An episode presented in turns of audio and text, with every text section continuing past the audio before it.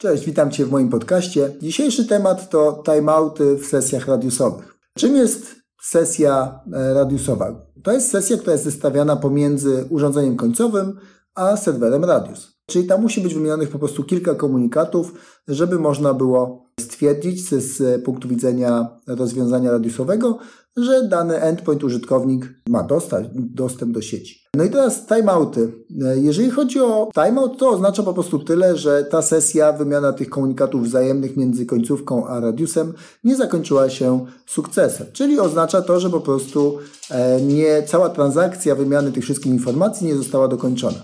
Timeout oznacza tyle, że na każdy taki komunikat, każda ze stron ma pewne ograniczenie czasowe, czyli czeka na odpowiedź z drugiej strony dotyczący e, konkretnego komunikatu. Jeżeli nie otrzyma odpowiedzi, no to dochodzi do wniosku, o coś się zepsuło albo w sieci, nie ma tego urządzenia z drugiej strony, jakiś problem wystąpi, w związku z tym to już nie zostanie e, ta nasza komunikacja dokończona. I teraz jeżeli e, chodzi o timeout dla sesji bezprzewodowych, to to się dość często spotyka e, i wynika to po prostu z e, charakterystyki łączności bezprzewodowej.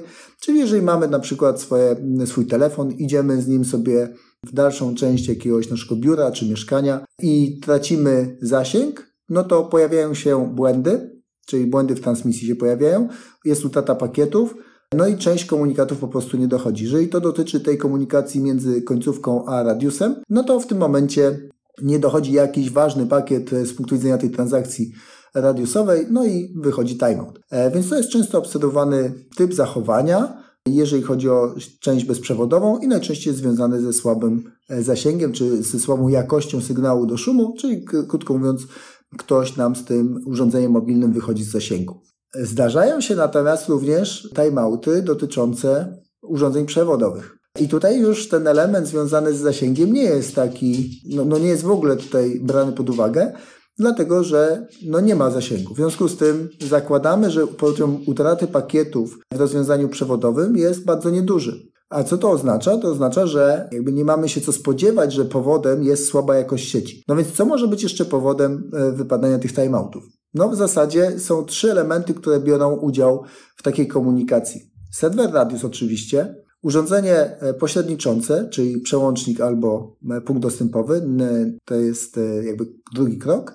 No i trzeci element to jest endpoint, czyli suplikant 802.1x na komputerze, na telefonie, na urządzeniu po prostu, które próbuje się podłączyć do sieci. No i teraz problem może wystąpić na każdym z tych elementów. Najczęściej te problemy są związane z jakimś błędem, czyli jakiś rodzaj komunikacji nie przechodzi albo nie jest akceptowany przez dane urządzenie. Jeżeli chodzi o te trzy elementy, to najczęściej jednak szukałbym problemu po stronie radiusa albo problemu po stronie endpointa. Jak e, ja to debaguję najczęściej? No po pierwsze, jeżeli występują tego typu problemy, to pierwszym krokiem zawsze e, w takiej sytuacji to jest próba oszacowania czy dowiedzenia się, e, czy problem dotyczy konkretnego przełącznika, access pointa, który agreguje wielu użytkowników, czy tych użytkowników mamy rozsianych geograficznie? Czy ten problem dotyczy, jeżeli jest na wielu przełącznikach czy access pointach, dotyczy e, różnych wersji firmware'u,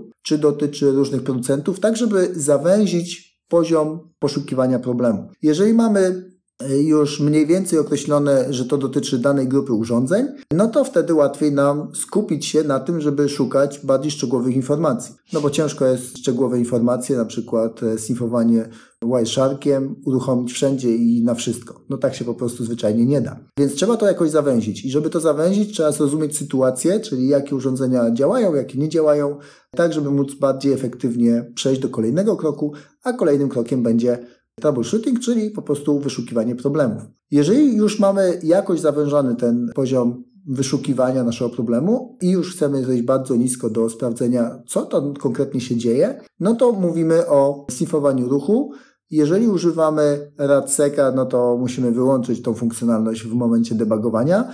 RADSEC jest protokołem szyfrującym ruch pomiędzy radiusem a stacją końcową. Jeżeli tego nie używamy, czyli to jest czysty protokół radius, to jedyne y, szyfrowane elementy, które w tej komunikacji zobaczymy, to jest po prostu hasło. Hasło jest zaszyfrowane w typowej transakcji radiusowej. Natomiast wszystkie pozostałe atrybuty, wszystkie pozostałe komunikaty możemy zobaczyć e, w cleartekście e, przechodzącym przez sieć. Więc jeżeli snifujemy tego typu ruch, no to możemy prześledzić, jaki jest pakiet wysyłany, jaką informację zawiera, jaką informację na poziomie protokołu radiusowego zawiera, i wtedy e, debagując już na poziomie protokołu Radius, w Wiresharku można sobie taki feed założyć, można zobaczyć, jakie pakiety czy jakie komunikaty wychodzą od endpointa, jakie idą do radiusa, jakie odpowiedzi radius wysyła? I jeżeli rozumiesz, jaka powinna być e, ta komunikacja, no to po prostu możesz sobie porównać, na którym etapie komunikat pomiędzy endpointem a serwerem Radius znika. E, możesz sobie to również e, zesnifować na endpoincie czy na sesji, która działa prawidłowo i porównać te dwie rzeczy. Możesz zobaczyć, jakie pakiety są wysyłane w transakcjach e, radiusowych i jakich brakuje, jeżeli dochodzi do timeoutu. To daje pogląd na sytuację, gdzie szukać dalej problemu.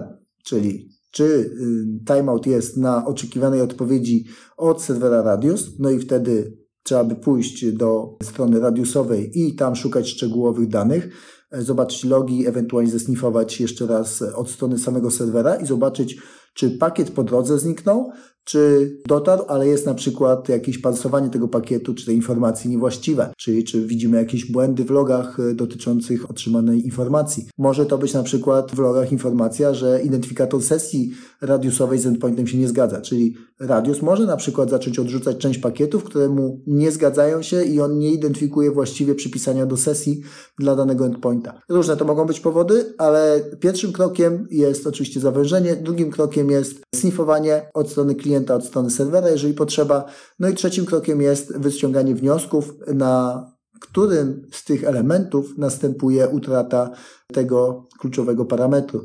No i jeżeli mamy tą informację, no to staramy się iść dalej. Jeżeli mamy rozwiązanie płatne ze wsparciem radiusowe czy endpointowe, no to i widzimy, że tu jest jakiś problem, to najczęściej na tym etapie angażujemy już producenta danego rozwiązania. Jeżeli masz rozwiązanie open source'owe i sam je sobie e, debugujesz e, i tworzysz, no to w zasadzie jedyne, co możesz zrobić w takiej sytuacji, to starać się uprościć scenariusz do takiego, który działa i starać się mniejszymi krokami zmieniać ten scenariusz do bardziej zaawansowanego i sprawdzać, w którym momencie przestaje działać, e, ewentualnie z jakimi endpointami.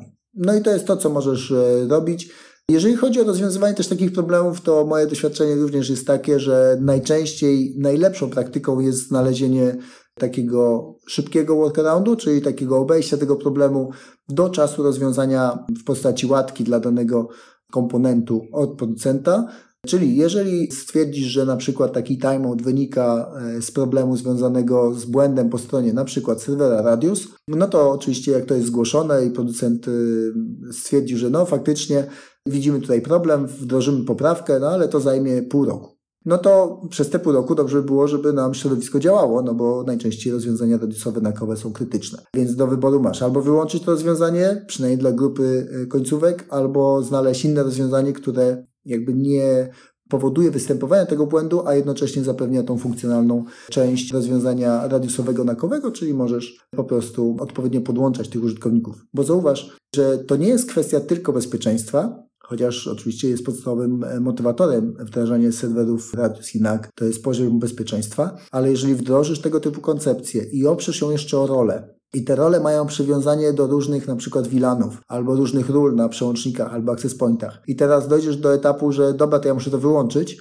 To znaczy, że cała Twoja koncepcja może się e, tutaj implementacji przypisania odpowiedniego ruchu do odpowiedniego VLANu może się zburzyć bo mm, rozwiązanie to radiusowe jest bardzo elastyczne. Możesz sobie, mm, i tak powinno być, dla różnych grup użytkowników przypisywać różne role albo wilany i w ten sposób łatwo oceniać, który wilan, na przykład z kilkudziesięciu, powinien być przypisany dla danego użytkownika. Możesz to robić per użytkownik. Natomiast jak wyłączysz rozwiązanie radius na podcie, na przykład danego przełącznika, to już wtedy możesz to przypisać ten pod tylko do konkretnego wilanu, jednego, nietagowanego i jak wtedy rozróżnić różnych użytkowników, którzy na tym podcie się pojawiają.